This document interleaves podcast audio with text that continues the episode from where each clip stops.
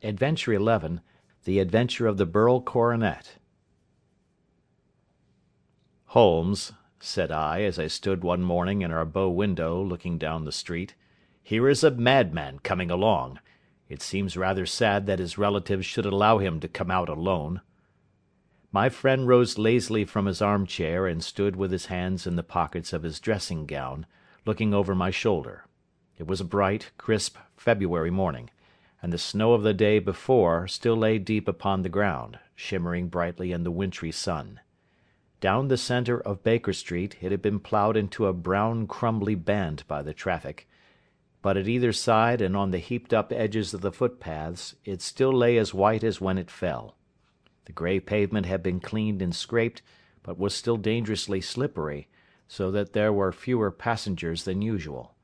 Indeed, from the direction of the Metropolitan Station no one was coming save the single gentleman whose eccentric conduct had drawn my attention. He was a man of about fifty, tall, portly, and imposing, with a massive, strongly marked face and a commanding figure.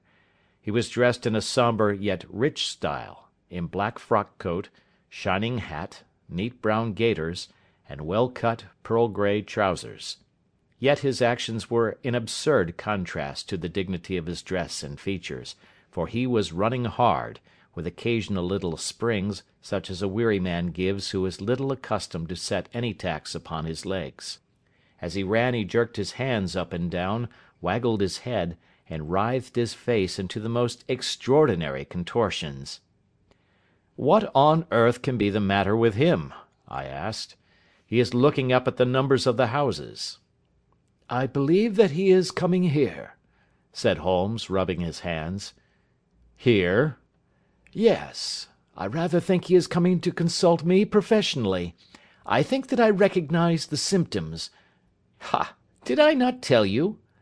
As he spoke, the man, puffing and blowing, rushed at our door, and pulled at our bell until the whole house resounded with the clanging. A few moments later he was in our room, still puffing still gesticulating, but with so fixed a look of grief and despair in his eyes that our smiles were turned in an instant to horror and pity. For a while he could not get his words out, but swayed his body and plucked at his hair like one who has been driven to the extreme limits of his reason. Then, suddenly springing to his feet, he beat his head against the wall with such force that we both rushed upon him and tore him away to the centre of the room. Sherlock Holmes pushed him down into the easy chair, and sitting beside him, patted his hand and chatted with him in the easy, soothing tones which he knew so well how to employ. "You have come to tell me your story, have you not?" said he. "You are fatigued with your haste. Pray wait until you have recovered yourself, and then I shall be most happy to look into any little problem which you may submit to me. The man sat for a minute or more with a heaving chest, fighting against his emotion. Then he passed his handkerchief over his brow, set his lips tight, and turned his face towards us. "No doubt you think me mad?" said he. "I see that you have had some great trouble," responded Holmes. "God knows I have. A trouble which is enough to unseat my reason, so sudden and so terrible is it. Public disgrace I might have faced, although I am a man whose character has never yet borne a stain. Private affliction also is the lot of every man, but the two coming together, and in so frightful a form, have been enough to shake my very soul. Besides, it is not I alone. The very noblest in the land may suffer unless some way be found out of this horrible affair. Pray compose yourself, sir said Holmes, "and let me have a clear account of who you are and what it is that has befallen you." "My name," answered our visitor, "is probably familiar to your ears. I am Alexander Holder, of the banking firm of Holder and Stevenson, of Threadneedle Street." The name was indeed well known to us as belonging to the senior partner in the second largest private banking concern in the city of London. What could have happened, then, to bring one of the foremost citizens of London to this most pitiable pass? We waited, all curiosity, until with another effort he braced himself to tell his story. "I feel that time is of value," said he. "That is why I hastened here when the police inspector suggested that I should secure your co operation. I came to Baker Street by the Underground and hurried from there on foot, for the cabs go slowly through the snow. That is why I was so out of breath, for I am a man who takes very little exercise. I feel better now, and I will put the facts before you as shortly and yet as clearly as I can. It is, of course, well known to you that in a successful banking business as much depends upon our being able to find remunerative investments for our funds as upon our increasing our connection and the number of our depositors. One of our most lucrative means of laying out money is in the shape of loans, where the security is unimpeachable.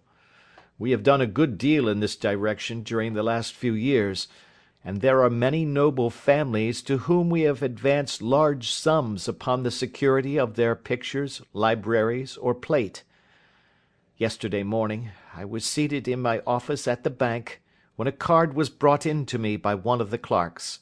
I started when I saw the name, for it was that of none other than well, perhaps even to you I had better say no more than that it was a name which is a household word all over the earth, one of the highest, noblest, most exalted names in England. I was overwhelmed by the honour, and attempted, when he entered, to say so; but he plunged at once into business with the air of a man who wishes to hurry quickly through a disagreeable task. "Mr Holder," said he, "I have been informed that you are in the habit of advancing money. "The firm does so when the security is good," I answered. "It is absolutely essential to me," said he, "that I should have fifty thousand pounds at once. I could, of course, borrow so trifling a sum ten times over from my friends, but I much prefer to make it a matter of business, and to carry out that business myself. In my position you can readily understand that it is unwise to place one's self under obligations." "For how long, may I ask, do you want this sum?" I asked. "Next Monday I have a large sum due to me, and I shall then most certainly repay what you advance, with whatever interest you think it right to charge. But it is very essential to me that the money should be paid at once. "I should be happy to advance it without further parley from my own private purse," said I, "were it not that the strain would be rather more than it could bear. If, on the other hand, I am to do it in the name of the Firm, then in justice to my partner I must insist that, even in your case, every business like precaution should be taken." "I should much prefer to have it so," said he raising up a square, black morocco case which he had laid beside his chair. "You have doubtless heard of the beryl coronet?" "One of the most precious public possessions of the empire," said I. "Precisely." He opened the case, and there, embedded in soft flesh coloured velvet, lay the magnificent piece of jewellery which he had named. "There are thirty nine enormous beryls," said he and the price of the gold chasing is incalculable. The lowest estimate would put the worth of the coronet at double the sum which I have asked. I am prepared to leave it with you as my security." I took the precious case into my hands, and looked in some perplexity from it to my illustrious client. "You doubt its value?" he asked.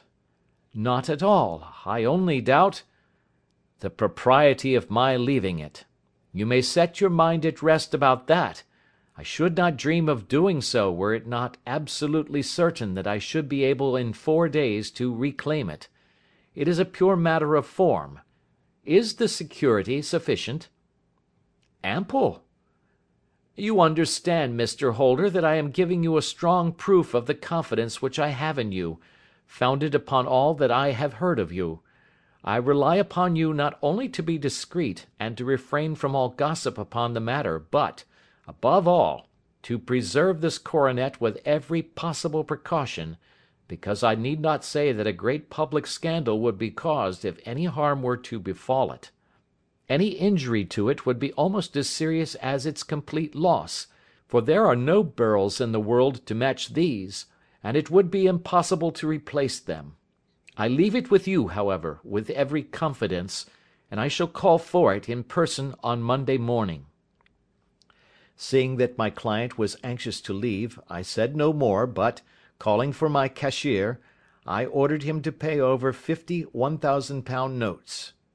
When I was alone once more, however, with the precious case lying upon the table, in front of me, I could not but think with some misgivings of the immense responsibility which it entailed upon me.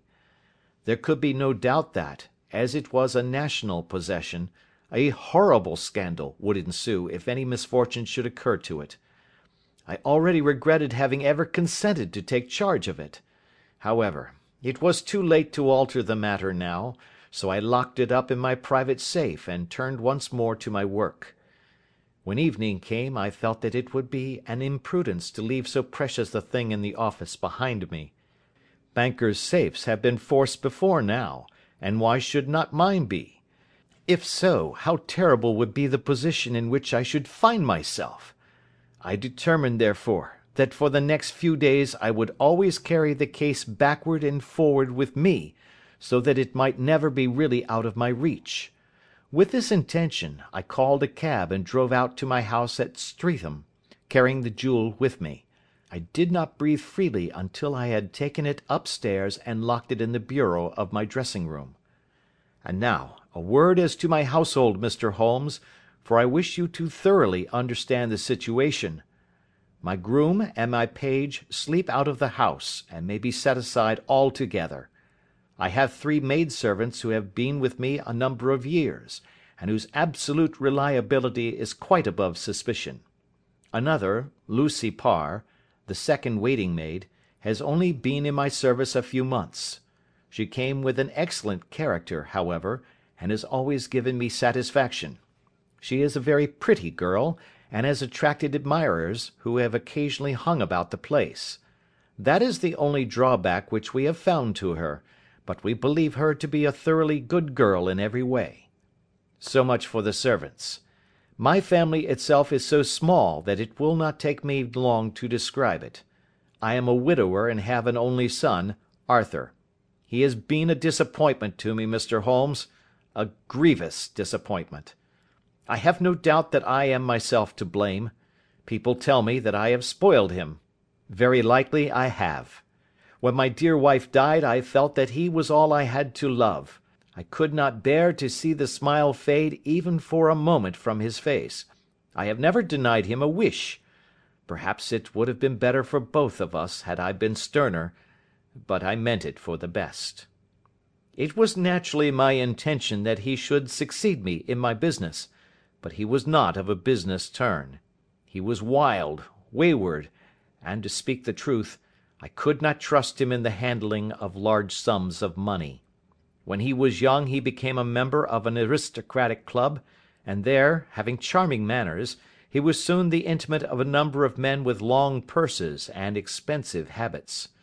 He learned to play heavily at cards and to squander money on the turf, until he had again and again to come to me and implore me to give him an advance upon his allowance, that he might settle his debts of honour. He tried more than once to break away from the dangerous company which he was keeping, but each time the influence of his friend, Sir George Burnwell, was enough to draw him back again. And indeed, I could not wonder that such a man as Sir George Burnwell should gain an influence over him, for he has frequently brought him to my house, and I have found myself that I could hardly resist the fascination of his manner. He is older than Arthur, a man of the world to his finger tips, one who has been everywhere, seen everything, a brilliant talker, and a man of great personal beauty. Yet when I think of him in cold blood, far away from the glamour of his presence, I am convinced from his cynical speech and the look which I have caught in his eyes, that he is one who should be deeply distrusted.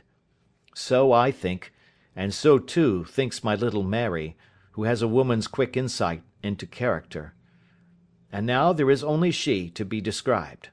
She is my niece, but when my brother died five years ago and left her alone in the world I adopted her, and have looked upon her ever since as my daughter.